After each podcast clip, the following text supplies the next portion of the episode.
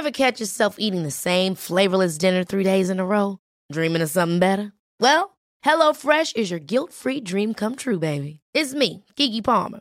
Let's wake up those taste buds with hot, juicy pecan-crusted chicken or garlic butter shrimp scampi. Mm. Hello Fresh. Stop dreaming of all the delicious possibilities and dig in at HelloFresh.com. Let's get this dinner party started.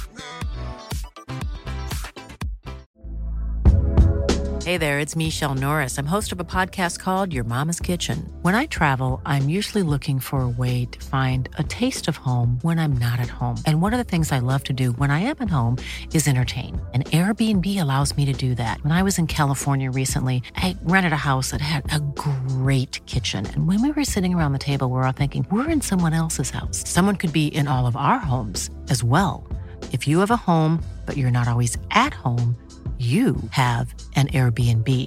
Your home might be worth more than you think. Find out how much at airbnb.com/slash host. Ryan Reynolds here from Mint Mobile. With the price of just about everything going up during inflation, we thought we'd bring our prices down. So to help us, we brought in a reverse auctioneer, which is apparently a thing. Mint Mobile unlimited premium wireless. Ready to get 30, 30, bit to get 30, bit to get 20, 20, 20, bit to get 20, 20, bit to get 15, 15, 15, 15 just 15 bucks a month. So, Give it a try at mintmobile.com slash switch. $45 upfront for three months plus taxes and fees. Promo rate for new customers for limited time. Unlimited more than 40 gigabytes per month. Slows. Full terms at mintmobile.com. Hei folkens, mitt navn er Bengt Are Barstad. Jeg har et turprosjekt som heter For 1000 dager ute. Akkurat nå så sitter jeg i Dividalen i Indre Troms og har vært på tur sammenhengende i 710 dager. Utstyret jeg har med meg på en sånn tur er utrolig viktig for at turen er både trygg og behagelig. Og akkurat nå så har teltet mitt fra Barents Outdoor stått fjellstøtt gjennom en av de verste vinterstormene jeg faktisk har vært gjennom på turen så langt. I tillegg så har Barents Outdoor ei fantastisk sørlandsavdeling som hjelper meg med reparasjoner av resten av utstyret mitt òg, og det kommer utrolig godt med, for jeg har ikke tenkt å stoppe etter 1000 dager. Så alle dere som er mye på tur, trenger service og bra utstyr, gå inn på barentsoutdoor.no. Det er utrolig eh, bra utstyr de lager i dag, altså.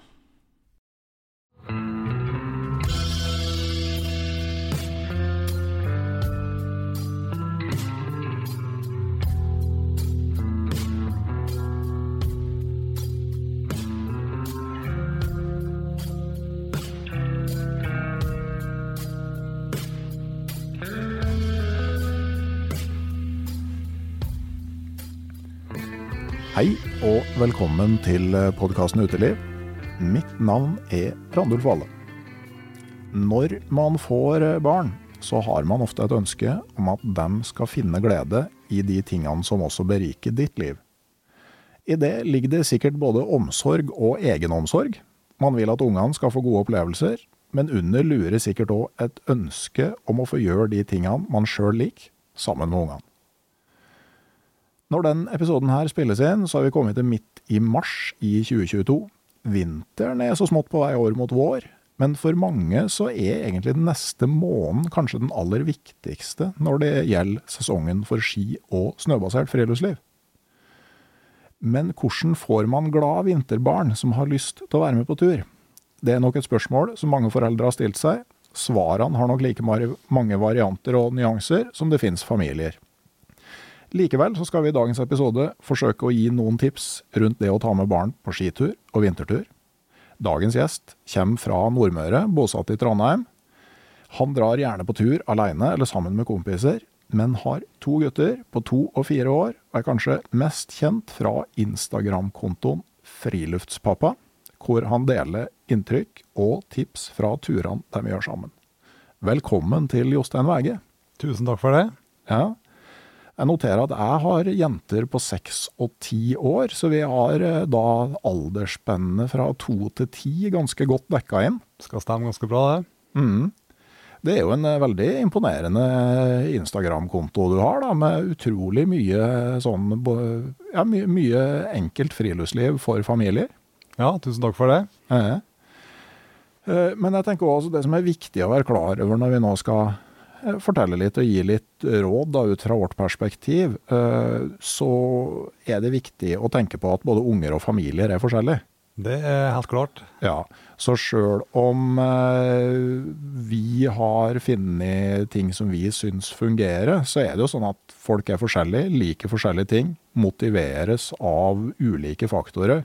Så det er ikke nødvendigvis sånn at man bare kan kopiere noe som noen andre har gjort, og så blir det bra. Men man kan jo se på det som en sånn slags verktøyskasse, hvor man kan prøve å plukke fram eh, og se etter om det er noen tips som kan fungere for å løse noe som man sjøl kanskje har slitt med. Da.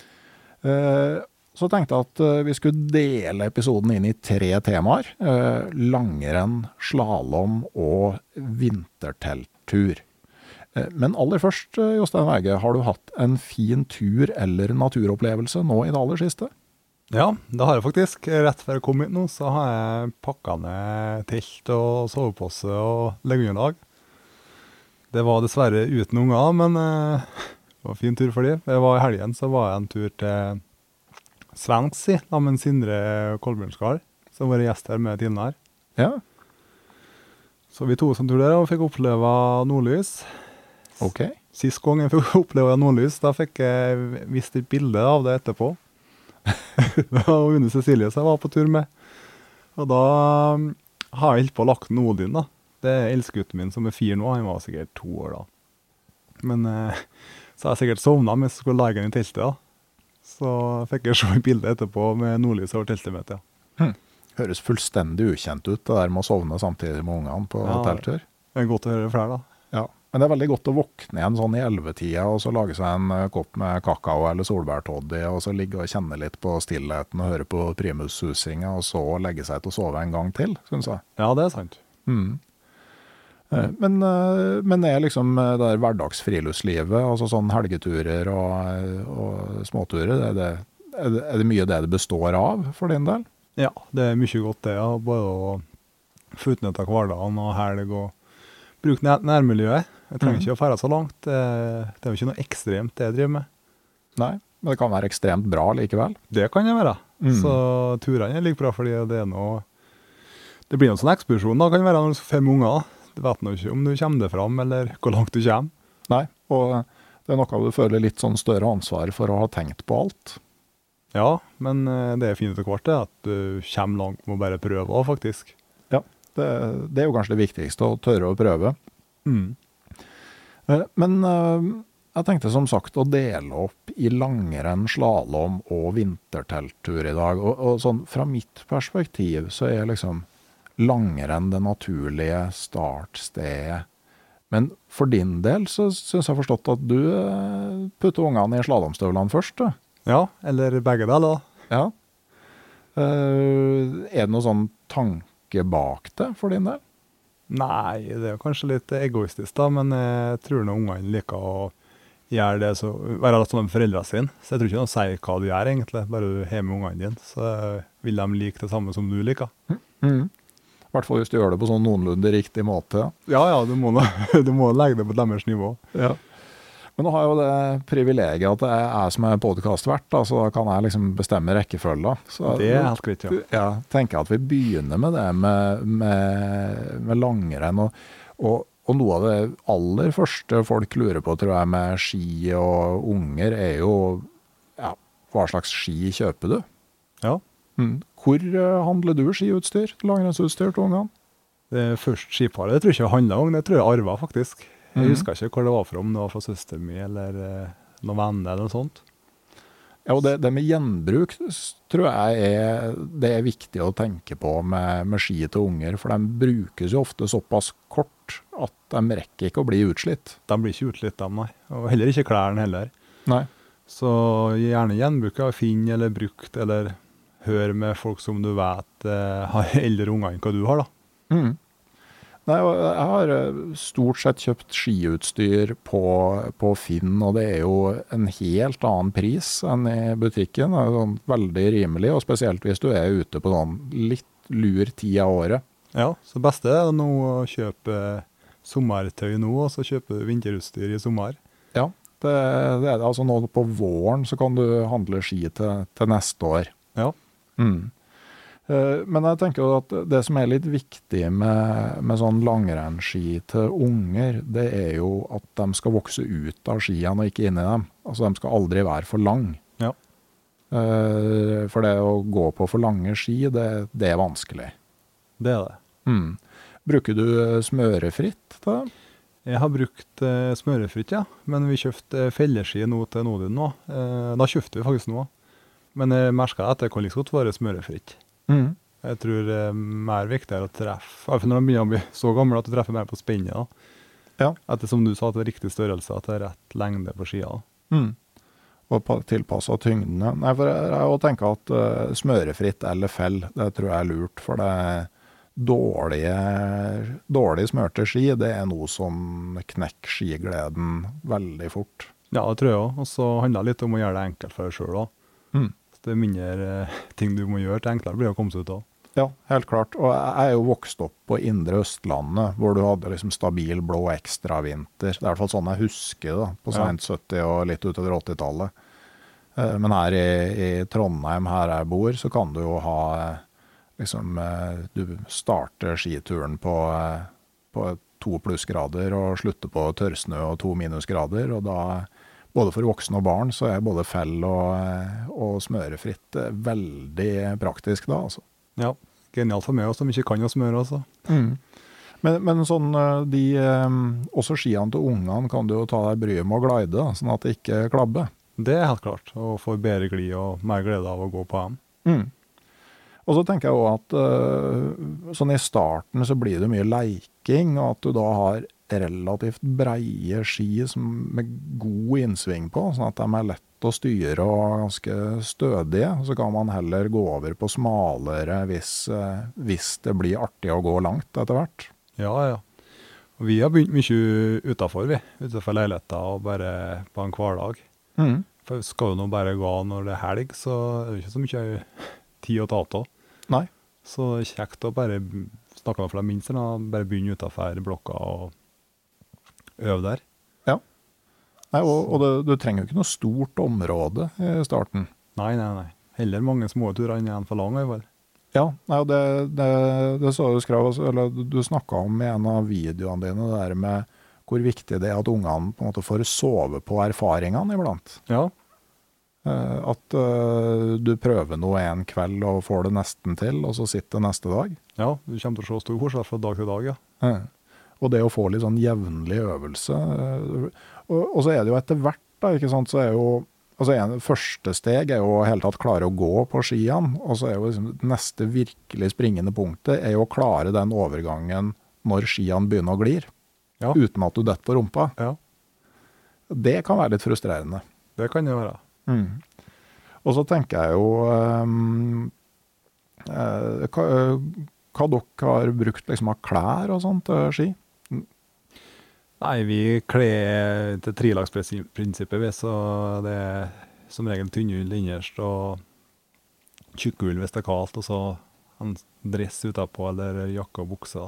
Mm. Nå går det litt, må det varmere tid, så nå kan det kanskje være bedre med en bukse og jakke. da, altså Bukse med seler, eller du kan ta av jakka hvis det blir for varmt, f.eks., eller Mm. kle av tjukkull under. Mm. For nå tar hun sola framover òg. Ja. Og så tenker jeg sånn alltid med unger så kan det være greit å huske på at de ofte er mye mer aktive enn deg sjøl. Sånn at uh, litt sånn foreldretriks å kle på unger så mye klær som du sjøl må ha for å stå i ro og se på dem. Ja, det er sant. Så eh, jeg, jeg liker jo de her heldressene godt, da, for du unngår det der med snø opp under ryggen og ned i buksa og Det bruker vi mye òg. mm. Skulle Spesielt. gjerne hatt som voksne òg, kanskje. Ja, det kunne vært, det kunne vært praktisk. Ja. I hvert fall i, i noen uh, henseende. ja. Mm. Så um, Men um, noe vi har hatt gode erfaringer med, er jo å dra til, uh, det skileikområdet som finnes i Trondheim, oppe ved skistua. Ja. Så, uh, og det er nok sånn som finnes andre plasser òg. Det er jo egentlig bare en uh, omtrent som et jorde, da, eller en slette i skogen, litt helling på Mm. Et åpent område med litt sånn kuleløyper og et hopp eller to og noen løyper som går rundt. Men, Ja. eh, men det er jo utrolig bra det der at uh, ungene uh, Altså, du får øvd veldig mye på alt som er vanskelig der. Du gjør det. Mm. Altså når, som du sier, når det er kuppert, liksom, så blir det da enkelt å gå flatt etterpå. Ja. ja, for du får, altså, ikke sant, hvis du går i ei løype, altså for en unge som da kanskje bare orker å gå 500-600 meter, så har du kanskje bare gått rett fram hele tida. Ja. Du får ikke øvd på noen ting. Nei, det er sant det.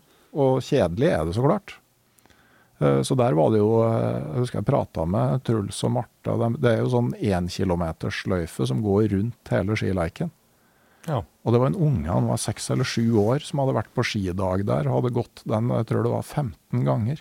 Såpass, ja. Det Ja. blir vi langt da. Ja, det begynner å bli kjempelangt. Da. og Det, det er jo sånn for at eh, altså, Der skjer det noe hele tida. Det, det er små uh, Det er som en sånn miniatyrløype for voksne med korte flater og krappe svinger og korte bakker og sånn. Så, eh, så jeg tror å oppsøke sånne områder hvor du ja, får prøvd, prøvd å ramle og svinge og reise seg og, og få inn de greiene der, altså, det har jeg veldig trua på. Ja, det er gull. Mm.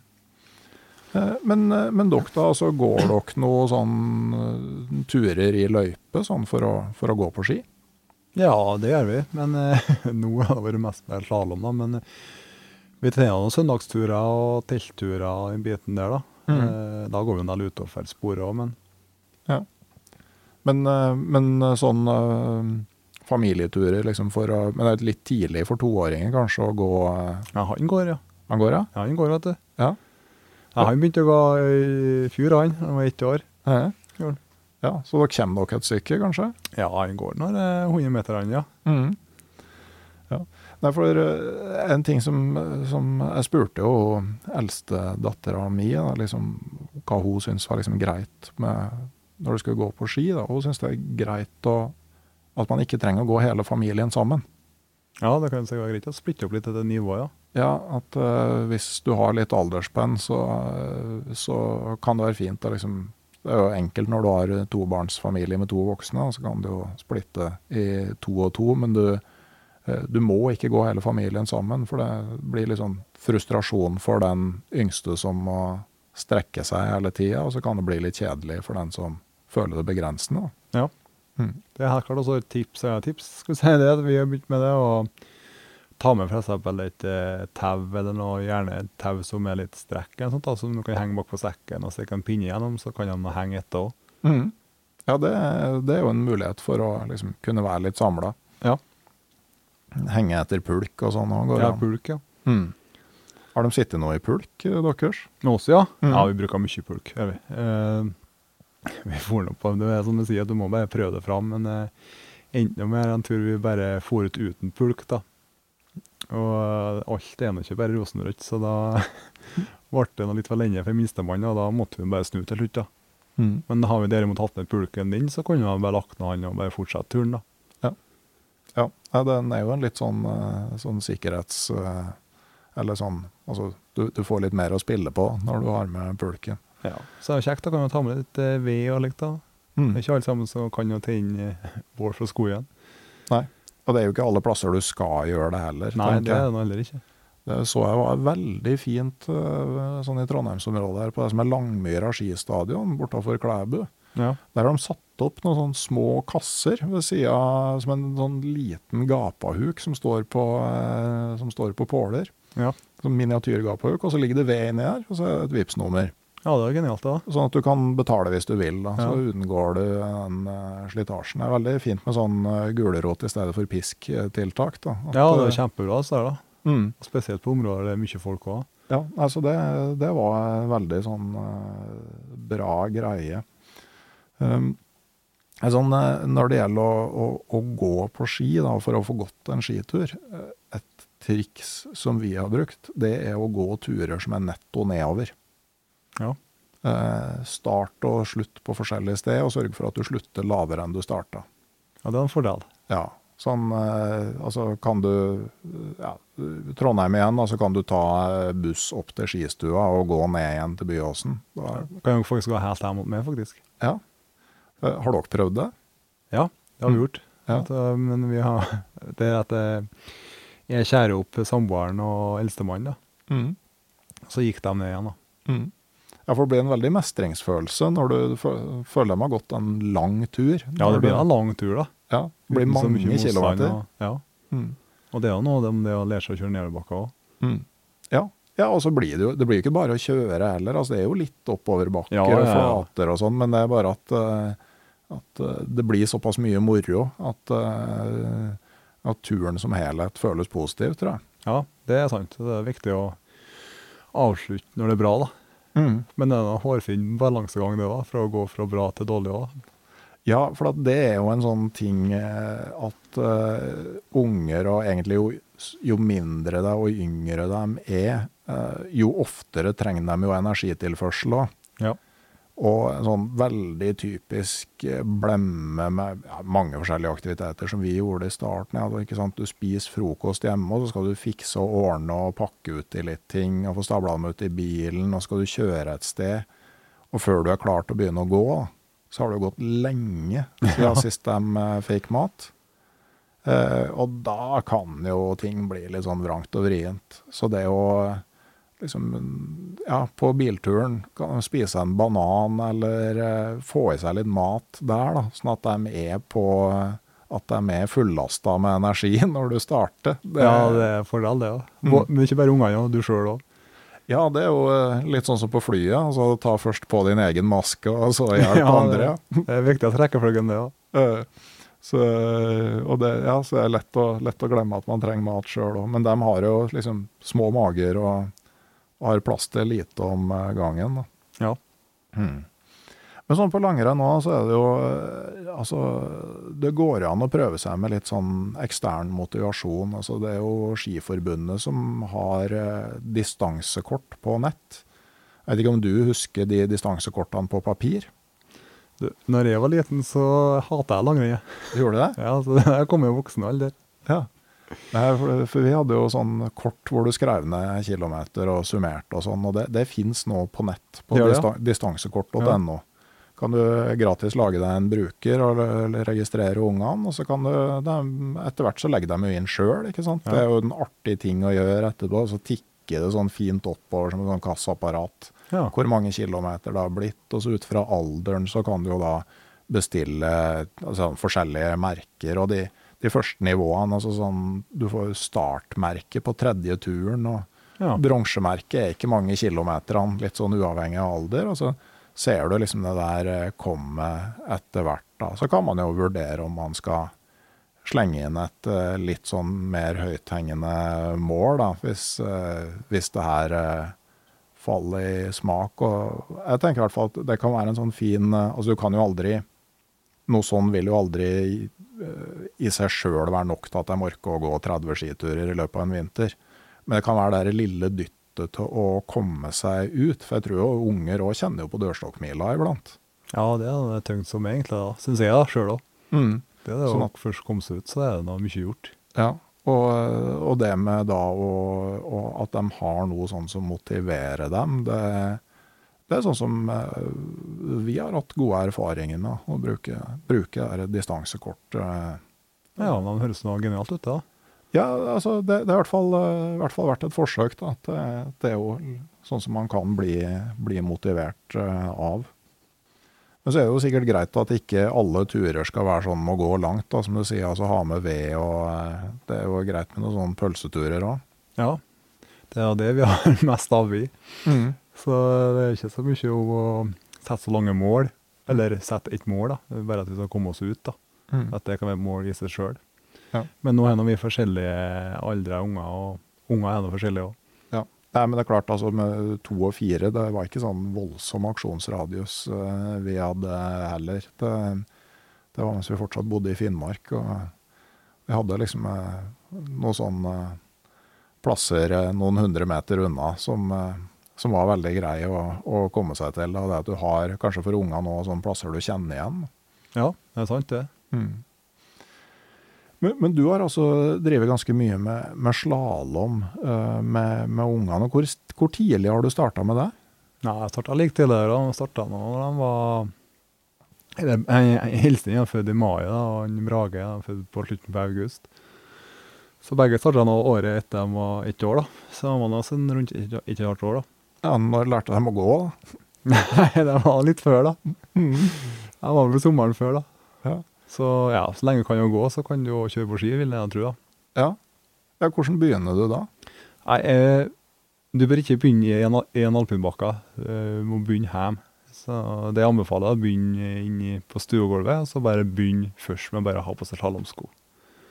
Og det er nok. Mm. Det å spenne på seg slalåmsko er ubehagelig. Det er litt stivt. moro òg, da. Ja, det er moro, da. Kan være. Men eh, så er det bare å prøve det neste dag, og så kanskje sette på ha et ullteppe og så redd for gulvet. Mm. Og så ta og spenne på skia og la dem prøve det. Og så er det bare å ta dem ut, da. Og begynne utafor. Og løfte dem opp av en bretkant til en liten bakke og slippe dem utom. Mm. Så er det noen gang, da. Ja, så det er der du liksom har begynt. Ja. Når er det du liksom måte tenker at eh, hva er, hva, er, hva er det du ser på for å tenke om de er klare for å ta det et steg videre, da? Nei, vanskelig å si konkret på det, da. Men um, vi nå bare med slalåmbakkene, vi, da. Mm. Og så begynte vi bare med å holde mellom uh, hendene. Mm. Altså du sto på ski og Jeg sto på skia, Ja. og så tok vi bare opp i Vassfjellet, da. Så har vi et sånn eh, barnebånd, Mm. og det er jo gratis å bruke òg, så det var kjempegenialt. Ja, for det er liksom nesten som en sånn, sånn rullefortau på en Ja. flyplass, da. Det er sånn somlebånd. Mm. Opp der, da, og så renner jeg. Mm. Og de bakkene er jo på en måte såpass slakk at om du skulle komme i skade for å kjøre rett ned, så er det ikke så farlig det heller. Ja, det er for et nett som tar imot lenger ned. Mm. Nei, så det går fint, det, ja. Mm. Og så begynte vi etter hvert å ta det videre og begynne å ta heisen opp, da. Mm. Og kjøre med seler. Ja, for at, eh, da ser jeg du har brukt sele, og det Jeg brente meg litt på det her første gangen jeg tok med eldste i, Vassfjellet, for det gikk veldig fort ned igjen. Men, Ja, hva gikk du eh, da? Nei, det gikk bra. da. Ja. Det, men det er jo litt det at det er ikke så enkelt heller å svinge slalåmski uten fart. Nei, det er en fordel å ha litt fart, da. Altså, Mm. det er en fordel det er litt tyngde på han foran oss, så han ikke roterer på skia. da. Så, men eh, men eh, når du Hvor får man tak i sånne seler, for det første? For det er jo Nei, eh, ikke legg penger i seler. Jeg kjøpte det billigste som var på XXL. Jeg tror det var 150 kroner og sånt. det. Mm. Så, men det finnes noen bedre seler, ser jeg, men jeg tror ikke han sier det. Nei. Så problemet egentlig med minst er at det, det finnes ikke små nok ski. da. Nei. Så der vil de være litt for lang, kanskje, da, skia. da. Ja. Når de er ikke har tråder. Og likeens med sko òg. Ja, finnes ikke små nok sko. Nei, jeg var litt for stor til den Brage, ja. Men det går nå bra, da. Men jeg har jo muligheten til å ta rett størrelse, så ta rett størrelse. Men eh, Mm. hvis det valget å ikke gjøre noe og du vil, så er det kanskje liksom ikke å bare ha litt for stort. Ja. Hvordan har du, har du handla slalåmutstyr og brukt, eller? Ja, vi har lånt eh, først paret til Odin og Braga, bruker ha sommer. Mm. Det har vi lånt, og så har vi kjøpt brukt, og så har vi kjøpt nytt. enn vi kjøpte utenom sesong, da, så det ble mye da. Mm. Sånn fjorårsmodell og den biten der. Mm. Ja, så er det jo noe med Altså, dere bruker det jo veldig mye, sånn at eh, Ja. da er det jo greit å legge litt i det, så du får på en måte akkurat det du har lyst på, da. Det er sant. Men eh, vi har kjøpt det billigste, vi altså, så å si. Det tror ikke jeg så Jeg tror ikke det utstyret på den alderen der som avgjør om eh, de kjører eller ikke, eller blir gode eller ikke, eller Nei. kanskje mer når de blir gamlere. Ja, nei, Det er jo eneste med bindinger og sånn, at det fungerer som det skal, da, men det er jo ikke så store krefter i sving heller på, på Nei, ungene. det har nå fungert med oss ennå, i hvert fall. Mm. Ja, nei, for der òg er det jo sånn eh, Finn og brukt eh, ja, ja. markeder og sånn. Det er mye å finne. Og, og sånn når du ser i forhold til hva det koster å leie i en alpinbakke, så kan du omtrent finne utstyr på Finn som koster deg det samme som å leie ski ei helg. Ja, det er større hvis du kjøper på Finn, og om du bruker én eller to ganger eller 40 ganger, og selger etterpå, så tror du du går så å si null. Mm. Ja, nei, det, det ligger veldig mye, mye ute der. Eh, så er jo det der med å justere bindinger og sånn, er det noe man kan få hjelp til i skianlegget? Ja, det får du hjelp til. Men du får det til sjøl òg, så lenge den passer noenlunde. Så er det som regel en pinne bak du kan løfte opp, og så flytter du bindingen att og fram. Men sånn med innstilling, for de skal jo løse ut når de tryner og sånn. Ja. Det er som regel en skru foran eller bak du kan skru på. Mm. Der det står en sånn eh, kil kilosmerke. Eh, Mm. Men er du usikker, så er det som du sier, bare å levere dem inn på den skishoppen der du har skianlegget ditt. da. Så er det noe de, eh, noe de fikser. Ja, eller en lokal sportsbutikk, da. Og så er det jo hjelm og briller i tillegg er jo en forutsetning. Det er en forutsetning, ja. Mm. Både på dem og på det, da. Ja, ja, ja naturligvis. Altså det, du må jo både av sikkerhetshensyn og for å gå foran som et godt eksempel. Ja. Eh, bruker dere noe måte annet, noe sånn type ryggskinne eller noe sånt? Nei, vi skulle ha begynt med det på Nodin nå. Mm. Han begynner å få stor fart, så eh, det må bli det. Ja. Ja, for det, det er jo Altså, ja, det, jeg husker vi kalte det her eh, det her småungene som kom rasende for hjelminger. Er liksom en sånn liten hjelm på ski som Ja. eh, kom i rasende fart nedover lia.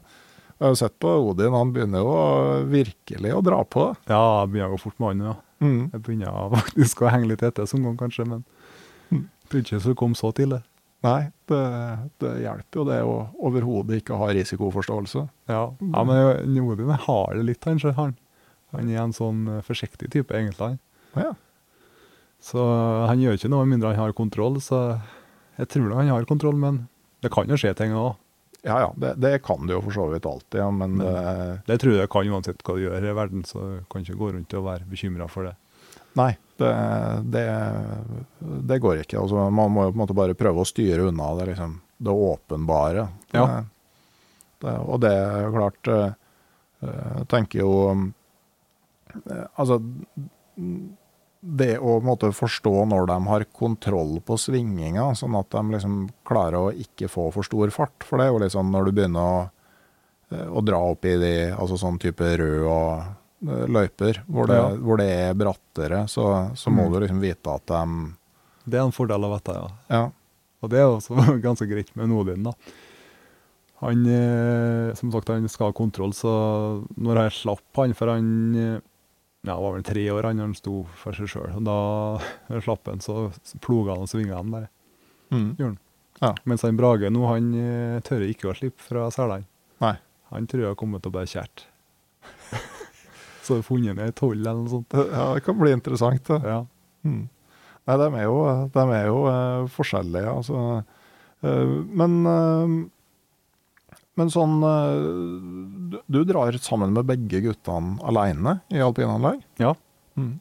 Jeg har nå to unger, så jeg må nå ta ansvar for dem. Ja. Mamma har ikke lyst til å være med? Det er jo hjemme, hun òg. Men Ja. Det er ikke alltid passer seg at hun er med- hun er med. Hvordan får du det til å funke da? Jo, det fungerer mye på grunn til at Nodin er så flink som han har blitt. da. At han klarer å stå sjøl og komme seg sjøl. Mm. Jeg vet ikke om det var like lett å skaffe begge selene. Ja, det Men ja. ser jeg for meg kunne blitt noen interessante eh, gordiske knuter. Ja. Ja. Jeg skal jo prøve, da. Ja. Nei, så Det hjelper mye, det. da, At Nodin er så grei seg sjøl. Mm. Og i starten så tok han heisen med at den Brage sto mellom fot... Nei, ikke Brage, Odin sto mellom fotene, så holdt den Brage i hendene opp heisen. da. Mm. Men etter hvert nå så har jeg tatt en Odin på ene sida på heisen, og så står det en Brage mellom fø- føttene mine. Eh, jeg syns liksom når du skal ta heisen med noen som er mye lavere enn deg, så eh, blir du fryktelig sliten i fotene. Det er det. Og det det er et tips når du begynner med så smått. Det er, det er bedre å holde dem på hendene enn å ha mellom føttene. For det er bedre å ha vondt i armene enn å ha vondt i rygg og føtter og alt som er. Ja, ok. Ja, det blir bedre, altså. Holde dem oppe. Jeg syns det, ja. Det er min mening, altså. Ja, ok. For jeg, jeg, som du sier, at du blir så sliten når du skal stå bøyd oppover. Ja. Men det er når det er minst, da. Men nå, sånn som Brage nå, så står jeg oppreist, og han står foran fotene mine. Så Mm. står det behagelig. Mm. Jeg holder dere ut liksom, lenge? Holder dere ut en hel dag i alpinbakken? Men Odin så gjør jeg det. Mm. Men ikke med en Brage, nei. Det er som regel han sover dypt ennå. Så da er det og Det er noe et tips når det er unger, så er det enten å komme seg ut tidlig eller sent. da. Ja. Hvis det er så små unger som er at de skal sove dypt. da. Mm. Så da kjører vi fram til han blir sliten, så da er det lunsj og setter oss i bilen og så sover han på tur hjem. Mm. Jeg tenker jo, med unger, uansett hva du skal på egentlig, så syns jeg det er fordelaktig å være der når ting åpner om morgenen. Det er helt klart. Det er òg mye mindre folk. Ja. Altså både i skileik og alpinanlegg, og, eller om Ja. du skal på klatring eller på et lekeland eller en familiepark. Altså sånn, Stå og hamre på døra når du åpner om morgenen, det Ja, det er en fordel, ja. mm. Det er det. Er på alt, som du sier. Mm. Så er det en fordel å finne ut av det nå, å smøre matpakker sånn dagen før, da, og pakke klart utstyret litt. da. Ja, sånn at du, du eh, ikke bruker så lang tid på å komme deg i vei. Ja. Ja. Pakke skiboksen og Ja. Mm, ha litt å gå på der, altså, må jeg innrømme. Ja, er, det er ganske ofte å gjøre det da, samme dagen. På den annen side så er det jo, eh, så vidt jeg husker i den alderen der, da, så er jo ikke det store problemet at du ikke kommer deg opp om morgenen. Nei, det er tidlig opp, ja. Ja. Så man eh, har litt tid til å, til å fikse, fikse sånn på òg. noe annet du tenker som er lurt å, å ta med seg sånn for slalåm med små unger? Jeg tror det er det å ha mange små turer, og ikke prøve å ikke dra det for langt. Jeg har dratt det for mange, langt flere ganger. Ja. Han endte opp med at han sovna i hendene mine på tur opp i heisen og den biten der, men uh, du finner det ut etter hvert hvor lenge han kan holde på. Og når vi har dratt, kommet dit, og så har det slått seg helt rangt, så vi bare kjørte hjem igjen. Og, Ja. Så jeg må ta det på ungene sitt nye premisser. Mm. Og- det er jo på et vis noe som er litt sånn utfordrende, sånn som for deg som driver med det her på sosiale medier. Sosiale medier er jo i utgangspunktet ganske glasert. Ja, det er noe du ser. Ja, du ser men, det men, liksom men når du på en måte Når du formidler deg sjøl, så kan du jo legge ut noe av deg på en skikkelig dårlig dag. ja, Men det, det kan du ikke, og skal du jo ikke, med unger. Nei, men øh, du kan jo skrive det. Ja. Men jeg tenker at du som, som annen forelder, så er det veldig lett å få det der inntrykket at uh, livet er en dans på roser. Ja, sant? det er klart. Det er helt klart. Ja, det, for du ser liksom en sånn endeløs strøm av blide unger og positive øyeblikk, og så kan du veldig lett få eh, Jeg tror du veldig lett kan få en sånn herre ja, dårlig sjølbilde, da, for at eh, du kjenner deg ikke helt igjen. Og det tror jeg er litt viktig å vite, at spesielt når det gjelder unger. da, altså Det er ingen Nei, det, men, som, eh, som har det hvor alt er vellykka og alt fungerer. Altså Man har de der fullstendige nedsmeltingene iblant. ja, det har du. Ja. Det tror jeg gjelder alt, ja. Jeg tror det gjelder alt du ser på sosiale medier og til andre folk òg. Mm. Men jeg tenker at når du, når du formidler deg sjøl som voksen, så kan du jo ta et valg Det kan du gjøre. om å, om å også ta med der du er sur og grinte og alt, eh, alt Det, er det er sant. Eh, Men, men når, det, når det er unger, så, så, så tenker i hvert fall jeg at det er noe de skal få slippe å at har spredt seg over hele verden eh, når de blir 14. Ja, så må ta hensyn til dem òg. Mm. Så eh, at eh, altså, når du eh, har en dårlig dag med familien, så, så er det, det er helt vanlig. Det er sånn, og, det, og det trenger ikke nødvendigvis være noen grunn til det heller. Det Nei, liksom, nei. Litt sånn du kommer litt skeivt ut, og så skjærer det brått ut til sida og er umulig å redde. Det er sant. Det er bare å prøve igjen neste gang. Men det der med å, å klare å gi seg i tide, er jo sånn mens det fortsatt er moro. Det er jo en kunst med ganske mye. Ja, det er vanskelig. Mm. Men du, etter hvert som du gjør ting eh, flere ganger, så begynner du òg liksom å ha en sånn tanke og en erfaring for hvor lenge det funker. Ja, det gjør du. Og så kjenner du ungene dine sjøl best. Altså, Mm. som du sier, du kjenner noen små tegn etter hvert. Mm. Ja, absolutt.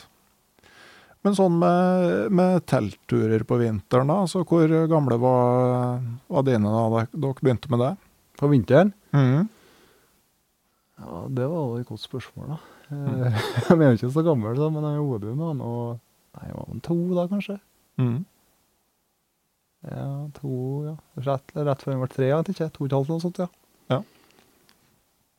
Og det har vært stas hele veien? Ja, fuck. Så å si det, ja. Mm. Det sier jeg. Jeg har noe øyeblikk på telttur, men jeg vet ikke om det var på vinteren. Men det har vært ikke stas òg. Mm. Har vært ehm, Det var ikke på vinteren, det var natta jeg våkna. Og så blaste blåste det så mye ut. Mm. Og han eh, skrek og skrek og skrek, og så fant vi ut til slutt at vi går ut i vind. Så han fikk vite hva det var for noe, Ja. og da roa han seg. Så jeg tror nok det var det ukjente kanskje som gjorde det, eller eh, ja, det kan være ganske intenst å ligge i et telt og høre på eh, at det rister. Altså hvis du ja. det, det, det, ser jeg for meg. Så, Ja, Det roa seg plutselig da vi kom ut. Da var det greit igjen. Så Mm. det var bare å gå ned og legge seg igjen. og um, hvor begynte dere med, med telting med ungene? Lang tur, eller? Nei, det var ikke lang tur. Det var Jeg husker ikke om det var første gangen, men vi har vært flere ganger. Vi med Kobberdammen. Ja. Bare Vi har ikke vært på Kobberdamsida, vi bare parkerte, og så gikk vi på andre sida av veien der. Mm. Det var flott, fint terreng. Ja. Og det kan komme med langrennsturer. Gikk en sjøl, da gikk vi så langt som en Nordmila, så var han med og valgte ut en teltplass. Og så Mm. satte vi opp telt der. og Det er jo fint om vinteren at det er flatt overalt. Ja, det, det. Mm. det er kjempefint. Og det er enkelt å finne teltplass òg. Ja. Nei, for det, for det er jo noe med både for voksne og for unger. Altså, du skal jo liksom gå, men, men turen altså Du kan ikke krype i posen med en gang du er framme. Altså, leiren skal opp, og ting Mm. tar tid. Så der òg, husk på jevnlig tilførsel av fôr. Ja, det er viktig. Så det er Før du begynner å gå, og når du kommer fram dit du skal være. og sånn. Mm. Det er altså som jeg har funnet ut på vinter, eller generelt telttur med unger, å ha mat som du kan både spise kald og varm. Kan ikke bare ha med mat som du må tilberede, da er du for sent ut. Ja, Må ha noe, noe som er raskt å eh, få til. Da. Ja, Mm. Og som du er sikker på at de spiser. ja det var en for fordel. Mm. Ja, det, det er veldig, veldig greit. Og, og så tenker jeg at for unger så syns jeg ofte at eh, de har stor glede av å liksom være med å etablere leir. Ja, ja, det er helt supert det. Mm. Både å ha med ja, hoppet på teltet og sette sammen teltpluggene og stengeren og alt sammen der. Mm. Jeg tror det er viktig å ikke være redd for utstyret ditt. Ja, det, det tror jeg også. Og så passe på å ha tid til det. Ja, det er et godt poeng. Mm. At de liksom får være med, og at du ikke er stressa. At de får være med og grave på snø på stormmattene. Mm. og så kan du heller snike deg ut på kvelden og justere og forsterke og stramme litt. Og ja, etterpå, Så- ja. ja. Nei, for det, altså, jeg, hadde med, jeg har jo hatt med mine på, på orrfuglleik, blant annet, på Ja, det er så klart, ja. Ja, det var, eller, ja, men altså, det desidert artigste var jo liksom å rigge opp telt med kamonett og eh, ja, gjøre seg klar. og altså, Har du på en måte sett noen orrfugler som driver og hveser litt, så har du sett to stykker, så har du på et vis sett alle, fikk jeg inntrykk av. Altså, Ja. det var ikke så veldig lenge den, den leiken var så veldig Nei. interessant. Det var mer det her, alt rundt det. Og det å være våken om natta og i grålysninga og titte Ja. ut og sove litt videre. og ja, Mm. det, sånn at, og det, det tenker jeg i hvert fall sånn jeg har opplevd at det er ofte helt andre ting som er spennende ja enn du sjøl hadde tenkt. det er de små tinga som er bra, på en måte. sånn, ja. Mm. ja. Og det tror jeg også er litt sånn viktig at du da gir eh, rom for. At sånn eh, OK, de syns det er artig å være inne i et telt og leke. altså Da må man ikke bli sur fordi de ikke vil være med ut og eh, spikke et eller annet, liksom, fordi det var det man hadde planlagt. Det, Ja, En ting er litt med det legging, da. Vi skal legge oss. OK? For da får de tilgang på et hoppeslott. Ja, nettopp. Så det ligger underlaget vi bruker som hoppeslott. da. Ja. Jeg bruker oppblåsbar madrass på ungene. jeg. Ja. Jeg tror ikke det er noe du trenger, sikkert, men eh, det er komfort og deilig. og De skal som regel ligge inntil det, og så hvis det ikke har det, så må du ligge på ei tynn madrass. Ja. ja, nei, det, det er jo kjempestas med hoppeborg i hele teltet. Ja. Mm. Jeg la merke til at du bruker voksenpose til ungene, gjerne. Ja. Mm. ja her er noen tips her for podkasten din. Å ja. Det med at du kan eh, Hvis de skal være så uvillige de tisser seg ut, så er det bare å bytte over. Mm. Jeg har, det, var, det, er ikke fra, det er ikke jeg som er opprinnelsen til tipset. Nei, det det er sikkert ikke på Det er tror, forskjellig for, for veldig lenge, veldig mange år siden så hadde vi en sånn uh, gjentagende spalte i bladet Friluftsliv om Felix og fattern. Og Ja. Felix er antagelig en voksen mann i dag. Ja. Men det var der jeg plukka opp der, tror jeg. Om Ja. at uh, det var lurt å bruke uh, voksenpose. Altså du da kan Mm. bytte pose med ungen og ta den våte posen sjøl. Mm. Og så ja, tips der er at uh, hvis du har små unger, så har du nå uh, helt sikkert en vognpose. Ja. Og den sover de ute på vinteren ellers, så den kan du nå liksom ta med på vintertelting òg. Du må nå ikke ha noe nytt for dem. Nei, det er et veldig godt poeng. Ja. De, eh, de er ikke akkurat kompakte, de der vognposene. Men, eh, men- men så er det jo ikke lange turer du skal på heller. Nei, og så når når vi drar på vintertur, så drar vi som regel med en pulk. Mm. Det blir noe helt annet enn å dra på sommeren. Da er plassen viktig. Ja, da, da skal det, det Vi hadde jo to grønlandshunder i den fasen, med, i hvert fall da hun første var født. Og, Ja. Så da hadde vi ganske bra aksjonsradius på, på sommertid. Ja. Så vi hadde ti dager inn på Laksefjordvidda, blant annet. Det. Ja, det, det var liksom utrolig hva du fikk til da, men på nummer to, da, da stoppa det litt opp. Ja. Da ble vi veldig Det ble mye nærturer, plutselig. Ja. Mm. Men eh, Nei, for det der med at eh, Det var som hun sa, hun eldste mi, at altså det at de, de, soveposen må være varm nok. Og de må, på en måte, de må ikke fryse noe mer enn nødvendig. Nei. Eh, det, det er jo litt sånn viktig. Og, og sånn at du sjøl er rimelig trygg på det her med primusfyring, sånn at det går an å få litt varme. Mm. Mm. Fyrer du primus i teltet med ungene? Jeg begynte å gjøre det nå. Ja. Mm. Gjorde ikke i starten. Nei. Og så begynte vi å tenne den opp utvendig, og så ta den med inn. Mm. Så de lærer da mens han eh, holder på. Ja. Jeg Og der er det viktig å ha med ungene på det òg. Ja. Og få respekt at det er faktisk varmt, og det kan skje ting. At vi kanskje skal være litt rolig når vi fyrer primus. Mm. Hold, jeg syns det holder ikke bare med å si at det er varmt, men be dem få med handa si fram og kjenne at det faktisk er varmt. Ja. Ikke at de må borti deg, men at de kjenner at det begynner å bli varme. Ja.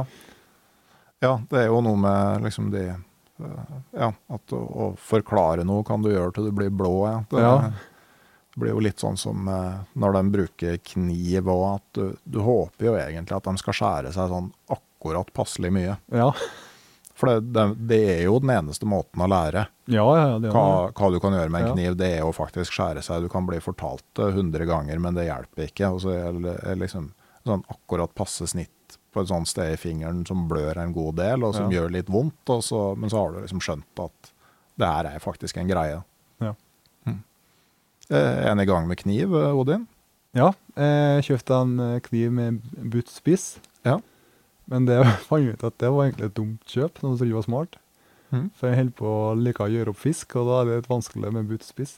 Ja, det, det er det. Og så er slira på det her. Det er vel bare ett merke som har de her speiderknivene med buttspiss. Det kanskje, ja. Ja, jeg lurer på det. Og, og vi jo har det det gode. De har klarer så vidt å gjøre opp fisk med det. Men, ja, jeg men, fikk dette, men jeg slet. Ja, men, eh, men slira Der løsna det der festet det med trykknappen og sånn. Ja, Det er ikke noe særlig. det er ikke så bra. Nei, det, det er ikke det.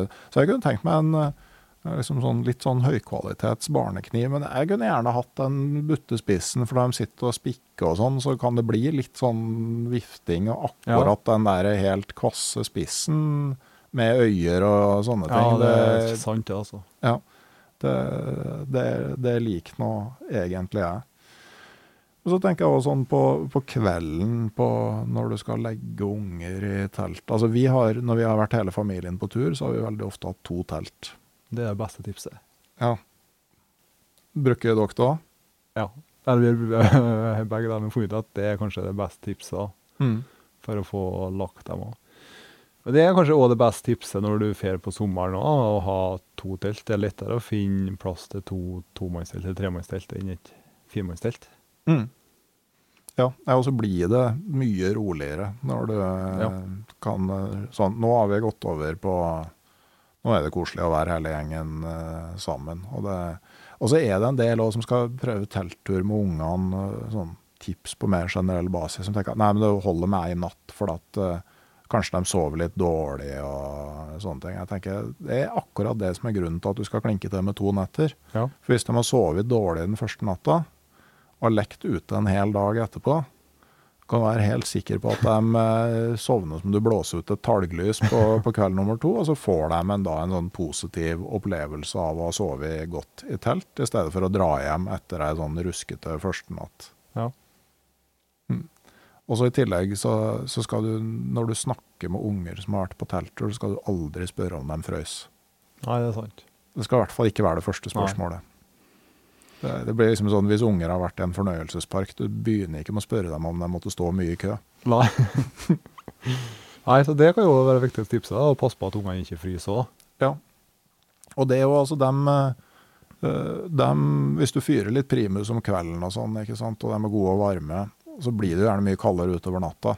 Og mm. få på dem mer klær før de kryper i posen, og, og være obs på at I hvert fall våre var litt sånn i starten at de krabba ut av posen.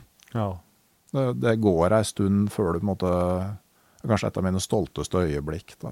Første gangen første gangene jeg så liksom unge halvvåken som liksom trekker posen bedre rundt Ja. seg, i stedet det er for å krabbe ut av den. Det var liksom sånn hm, Nå begynner det å ligne på noe her. ja. Men det, det betyr jo òg at hvis det er skikkelig kaldt, så må jo foreldrene være ganske sånn på vakt, da. For Mm. ungene kan jo krabbe ut i løpet av natta. Det kan jeg. Mm. Men jeg tror nå Det har ikke skjedd med meg, men eh, jeg vil tro du begynner å skrike og vil bli, at du vil bli vekk, da. Ja, jeg vil tro det, jeg òg. Men du Men, vet aldri, men eh, men nedkjøling er en skummel greie. da. det kan sikkert være det, ja. Mm, jeg, vet ikke. Jeg, jeg, vil òg tro det, men eh, det er jo greit å være obs på at Mm. eh, unger kan krabbe ut i, i, i løpet av natta. Mm. Er det noen sånne leker og sånn dere bruker da, i teltet? Har de noen sånn faste rutiner? Nei eh, eh, Det hender vi har med leker, eller bok eller noe noen leker, men det er nok at de er med og gjør på alt du gjør, altså. Mm. På en telttur, for det du skal nå lage mat, du skal ha på telt, eh, Mm. alt det biten der. Mm. Ja, hva de er med å hjelpe til med, med matlaging og sånn, f.eks.? Nei, det kan jo være med å finne til det du skal ha i posen, eller eh, åpne litt da, og vokse, eller noe sånt. Mm. Ja, det er kanskje litt å gå på, sånn eh, involvering. Ja. Mm. Spiser de sånn uh, frysetørra og sånn, eller? Ja. Mm. De eh, skulle si spise de får, det er ikke riktig sant, men har spist det meste i hvert fall. Mm. Ja, eh, så jeg serverer også til dem som jeg serverer til meg sjøl. Og det vi òg har med, da, eh, det funka ikke hvis det er for kaldt. da. Det er noe yoghurt og havregryn. Ja. Og blander sammen. Mm. Eller blander ikke sammen først, da, når vi kommer fram. Ja, det er jo eh, Og jeg tenker òg liksom eh, Litt sånn normalitet i matstellet. Altså Mm. Vet at sånn som våre, på, i hvert fall når vi er på lengre turer sånn om sommeren og sånn, og savner frukt og grønt, f.eks. Mm. Så det liksom det å ha med babygulrøtter og noen epler og sånn, eh, det er jo ikke så effektivt på vinteren, men det er jo sånn som jeg har begynt med Ja. nå. For det, det, liksom, det er handler jo litt om eh, magefunksjon og at det Mm. skal være noe som, eh, som er litt kjent. Da. Ja. Men det er jo et bra tips, da, å være bru- brukt og vant til å ikke begynne med noe helt ny matrett på tur. Ja, I hvert fall ikke bare helt nye ting. Ja. Nei. Mm. Men eh, ja, sånn med middager og sånn, da, så har du noen tips der, hvis man skal unngå bare spise pølser? Nei eh, Ja, vi bruker noe tørrmat, vi, da. Mm. Eh, og så kom ikke også haugen og så pølser. Det er genialt, det òg, ja. Men Mm. Nei, det var forskjellig, da. Eh, yoghurt og havregryn, som jeg sa, da. Funka nå. Slager. Eh, Mm. Både til frokost og kveldsmat, og det er mye næring i det, så det Mm. holder lenge. Mm. Eller så kan du ta med noen rester. da. Ja. Og så spør noen gryterett eller noe, bare gjør det enkelt. da. Mm. Det er det jeg fokuserer på igjen når jeg er på telttur nå. Ja. Så kan det kanskje bli litt mer avansert når de blir gamlere. og Og som alternativ til pølser og sånn til bålmat, så hvis du tar også bare reinskjærkoteletter, f.eks. skjær bort beina, så har de sånn, litt sånn firkanter på sånn fyrstikkeskestørrelse. Så, så er jo det sånn som er ganske greit å steike ei panne over Ja. bålet. Det, så det er jo sånn eh, bare for å ha litt grann variasjon. Men har dere noen planer for påska nå? Ja, det har vi. Ja? Eh, da drar jeg nedover og skal hente med hund. Oi, hva slags da? Det blir en eh, engelsetter. Ok. så det blir fuglehund. Ja det, det blir jo interessant. De er jo rolige og Ja, så nå blir det ut, utvidet for enda mer familien. Ja. Prøve noe helt nytt. Eh, har nå hatt dem opp før, men det kan jo ikke sammenlignes det. da. Nei. Så da er det kvalp, da. Det er valp, ja. Ja. Så eh, nå skal jeg prøve på det òg. Ja. Så skal vi ordne til en eh, YouTube-serie. da. Så tenkte jeg skal ordne dette da, fra valp til jakthund. da. Mhm. ja, for det skal bli jakthund. Det skal bli jakthund, ja. Mm. Og det, da er det jo noen timers arbeid som eh, ligger der, da. Det vil bli det der òg, ja. Så da blir, da blir det liksom eh, valpen som blir hovedfokus i, i eh, påskeferien i år. Ja, Det blir vel ikke så mye mer enn det, da. Nei. Du har vel hatt hund, og har, eller har du hund ennå, ikke? Nei, jeg har ikke hund nå lenger. Vi hadde to grønlendere, men begge er Ja. forsvunnet til de evige isbreer, eller hvor det nå er grønlandshunder havner hen. ja. Blir det flere hunder med dere, da? Ikke nå, i hvert fall. Det, det er veldig stas med friluftsliv med hund, og så er, så er det tidkrevende. Det er det helt sikkert. Og det er jo et ansvar for veldig mange år. Mm. Så, eh, så det blir ikke det akkurat nå, i hvert Nei. fall. Men eh, det var veldig fint de årene vi, vi hadde dem. Og selv om det jo er en helt annen type hund enn en engelsksetter. Ja. Det, eh, det er liksom, jeg tenker sånn Mentaliteten er omtrent sånn diametralt motsatt. Ja. Litt sånn eh, måte rolig og nesten lat. Ja. Det, mens jeg ser for meg engelsksetteren, det er fullt tempo. Ja, det skal være rolig og behagelig familiehunder òg. Ja, ok. Ja, Det er kanskje bare mine fordommer. Ja, det kan hende. Jeg, vet ikke heller. Det, det vil tida vise. Ja, eh, Hva er det YouTube-kontoen din heter, da? Den heter så enkelt som navnet mitt, Jostein Vege. Så hvis noen lurer på hvordan det går med, med engelsksetteren, så, så går det an å, å eh, følge med der. Det gjør det. Men du, har du noen planer for påske? Ja, det, det blir vel litt sånn rolig eh, hytteliv, tror jeg. Med kanskje isbed en telttur eller to. Men jeg tenker meg nedover til ja, de barndomstrakter der det var blåekstraføre Ja. eh, mesteparten av vinteren. Og så jeg tror vi får eh, gått noen ordentlige skiturer. Det er jo eh, i hvert fall og eldste har igjen noen kilometer på sesongens mål, da. Så ja. vi må få tatt oss noen ordentlige, ordentlige turer i Ja, løypene, løypene der, da. Men hvis vi skal prøve å oppsummere litt, altså for det er, er det noen fellesnevnere for, eh, for alt det her? Altså sånn eh, Jeg kommer på to ting, da. Jeg har tre. OK, da du starter. Ja, du Du må være varm, Ja. og så må du være mett. Ja. Altså ungene, eller Og du òg, da. Mm. Så må du ha det artig. ja. Jeg tror det er viktig for at det skal bli suksess.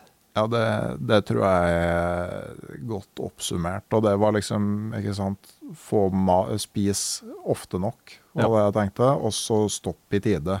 Ja, det er jo godt Men det, det holder jo på en måte på det at det skal være moro. Ja, og det syns jeg var artig. Du hadde en sånn, det har jeg ikke tenkt på, men du hadde sånn triks når ungene tryner på ski. Ja, For da tryner du òg. ja, ja. ja, ja. ja du må jo være litt vanskelig sjøl å holde på. Ja, for det er en sånn super måte å ufarliggjøre det på. Ja, ja for du skal, du skal dette litt. Ja. Det er sånn du blir bedre på. Ja, og det å måtte vise at det er en sånn eh, helt eh, ufarlig greie, det, og helt vanlig ting, og det at hvis du ramler og flirer av det, så gjør jo dem det òg. Ja. Så den eh, burde jeg ha tenkt på, kjenner jeg. ja. Mm. Men det er òg lov å ha det vondt, da. Mm. Så det var kjekt å spørre dem om det faktisk om det var vondt, da. Mm. Men det er jo noe med det der at uh, hvis det ikke er vondt, så trenger man ikke Nei, grine. det er sant. Mm. Så det, det, er jo, eh, det er jo et uh, poeng, ja. Eh, Men vi er jo i midten av mars nå, og vinteren er på vei mot vår. Eh, Her i Trondheim, det, nå er det jo kvelden når vi tar opp det her, da, men eh, på morgenen så begynner det å liksom virkelig tilta med fuglelyd, og eh, liksom er i liksom den overgangsfasen. Da, men, eh, og det er jo fint i Trondheim på den tida her av året, men, men hvis du nå sånn helt til slutt kunne valgt et annet sted som du skulle vært nå, hvor skulle det blitt det? Ja, da er høsten. Ja, altså du, du, du du vil. Det trumfer alt? Ja, nesten, ja. Nei, ja, jeg gleder meg på sommer og fiske og med fluestang og Ja. Skal vi si med og uten unger, begge deler. Mm. Ja, det er 14. mars i dag. Du kunne jo ha tatt og forflytta deg til Nord-Troms eller Finnmark, da. Så hadde du hatt siste jaktdag i morgen. Ja, det er sant, ja. Det er noen som har det når de eh, har rypejakt ut til midten av mars. Da sier jeg tusen takk for at du kom og ble med i podkasten Uteliv, Jostein Wege. Tusen takk for at jeg fikk komme, Randulf. Ja. Og helt til slutt så vil jeg rette en takk til medlemmene i det digitale turlaget rundt podkasten Uteliv på Patrion. Dere er en viktig drivkraft og finansieringskilde for produksjonen av podkasten. Og som Patrion så får du tilgang til eksklusive episoder og bakgrunnsstoff på nettsida mi, podkastenuteliv.no. Og du får òg være med å påvirke valg av gjester, tema og spørsmål i podkasten. Nå er Det sånn at det å nå ut til flest mulig, det har aldri vært noe drivkraft i seg sjøl for meg. Eh, men jeg vil gjerne nå så mange som mulig av dem som er interessert i det jeg lager. Og for meg som er en helt frittstående innholdsprodusent, så er dere lyttere svært viktig for å få spredd budskapet.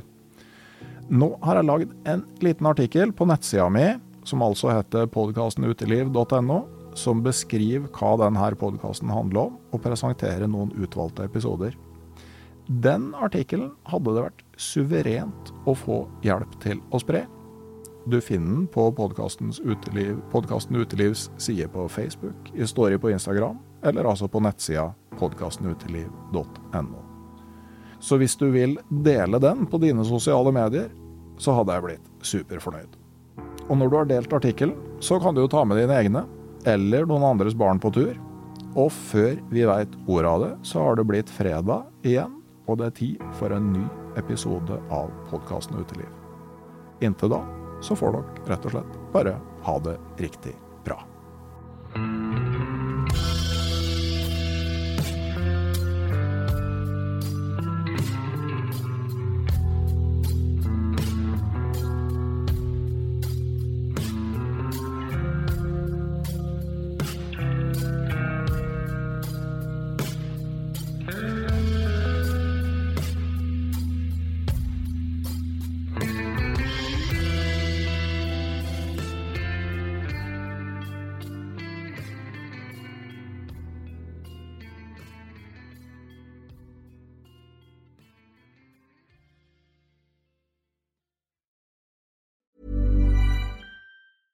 Ever catch yourself eating the same flavorless dinner three days in a row?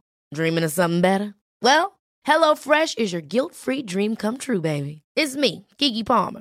Let's wake up those taste buds with hot, juicy pecan-crusted chicken or garlic butter shrimp scampi. Mm. Hello Fresh. Stop dreaming of all the delicious possibilities and dig in at HelloFresh.com. Let's get this dinner party started.